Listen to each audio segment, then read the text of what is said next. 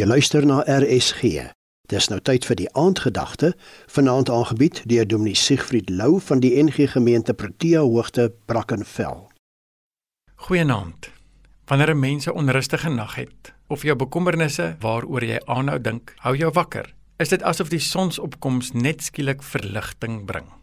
Ek onthou tye toe my kinders klein was en hulle in die nag siek geword het, dan het die donkerte sommer net ekstra erg gevoel.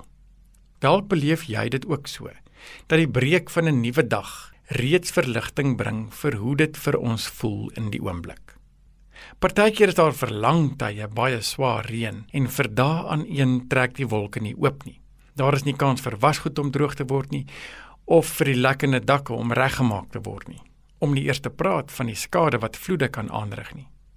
Wanneer die weer verlang tye onguurig was, is daar die eerste sonlig ook ekstra welkom. As daardie swaar wolke ooptrek en die helder sonstrale breek deur, kry ons sommer nuwe hoop. Net soos wat die sonlig doen wanneer ons 'n moeilike en lang nag gehad het. Met die kragonderbrekings wat ons deesdae beleef, slaap mense ook dikwels onrustig. Ons weet dat ons omgewing in donkerte gehul is of iewers raas iemand se kragopwekker. Ons hoor soms mense sê: "Nee, sjoe, ek gaan nogal deur 'n donker tyd." Of: "Dit is op die oomblik nogal nag vir my weens my omstandighede." En dan weet ons onmiddellik wat hulle daarmee bedoel. Maar wanneer iemand sê uiteindelik breek daar vir my lig deur of môre sal die son weer skyn, dan verstaan ons dat hulle praat van 'n ligter tydperk wat aanbreek of nuwe hoop wat begin. As ons mooi daaroor dink, is duisternis eintlik maar baie broos.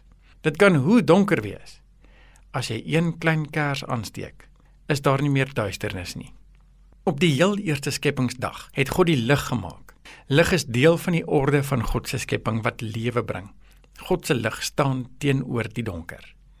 Met Kersfees wat een van die dae gevier word, sing ons ook graag van lig uit lig wat na ons toe gekom het.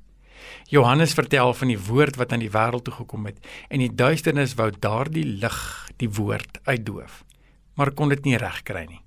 Dit is een van die redes waarom ons huise en vensters hierdie tyd van die jaar met liggies versier.